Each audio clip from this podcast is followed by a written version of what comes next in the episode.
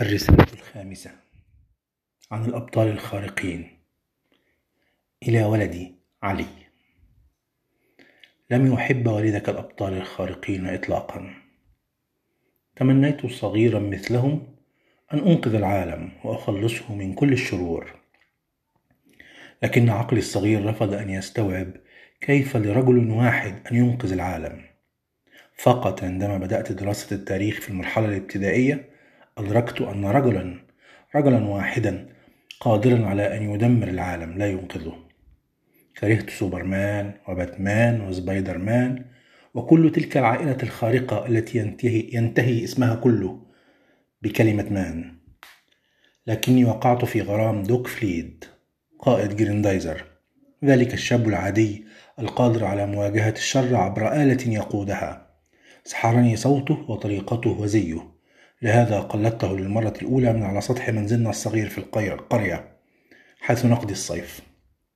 قفزت في الهواء منتظرا أن يحملني شيئا ما لنطير ونحارب الأعداء. بالطبع كان والدك حكيما في طفولته لأنه قرر التجربة فوق تل من الرمال استخدمه العمال في بناء المنزل.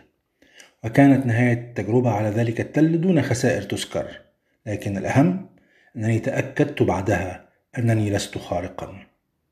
ومع الوقت أدركت أن الحياة لم تسمح لأحدهم بأن يصير خارقا كأبطال الكوميكس ربما فقط والدتي ووالدتك لأنهما تحملانا. في سن المراهقة كان لدي تحد خارق تحد خارق من نوع آخر. في تلك الأيام التي تكتشف فيها للمرة الأولى أن هناك جنسا آخر تميل إليه وأن ابنة الجيران التي كنت تخجل من اللعب معها منذ شهور تتمنى أن توافق على الذهاب معك إلى قويدر فيروكسي من أجل شرب شرب عصير الموز باللبن. في تلك المرحلة التي نكون فيها مجرد هرمونات تمشي على قدمين عرف والدك الحب للمرة الأولى. حين وقع في غرام جارته التي تصغره بعام واحد والتي صارت والدتك فيما بعد. ومع حبيبتي الأولى تعلمت للمرة الأولى أن يكون لك مشاعر. معنى أن تحب الآخر أكثر مما تحب ذاتك أن تفضل أحدهم حتى عن نفسك. ندرك هذا في الصغر بهدية اقتطعها من مصروفك الذي بالكاد يكفيك من أجل أن ترى ابتسامة حبيبك. في النوم متعلقا بسماعة هاتف المنزل رغبة في القرب والتواصل. في سماع أغاني إيهاب توفيق لفترات طويلة وشراء ألبوماته وإهدائها لحبيبتك. في كتابة رسالتك الغرامية الأولى تلك الرسائل الورقية التي تبث فيها مشاعرك البريئة المدهشة وتبقى مع مر الزمان ابتسامة لا تغيب عن وجهك كلما قرأتها. يكفي أن تعلم أن والدك بعد مجموع درجاته المشيم في الثانوية العامة رفض بكل إباء أن يعيد السنة من أجل ألا يكون مع والدتك في عام واحد. كان قلقا من أن يمنعه هذا من الزواج. وهذا ما دفع به إلى أحضان الكليات الحربية.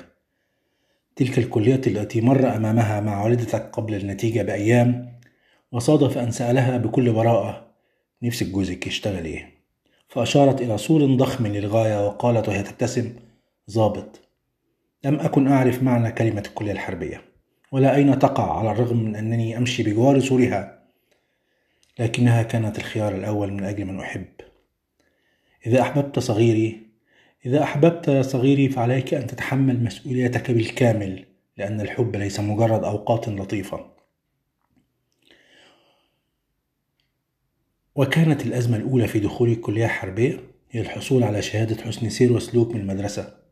لطالب مثل والدك حصل على 101 استدعاء ولي أمر وتم فصله أكثر من 28 يوما خلال سنة دراسته الأخيرة. أعلم أنني لم أروي لك هذا من قبل. فدعني أكمل لك هذا في الرسالة القادمة. أحبك كثيرا. والدك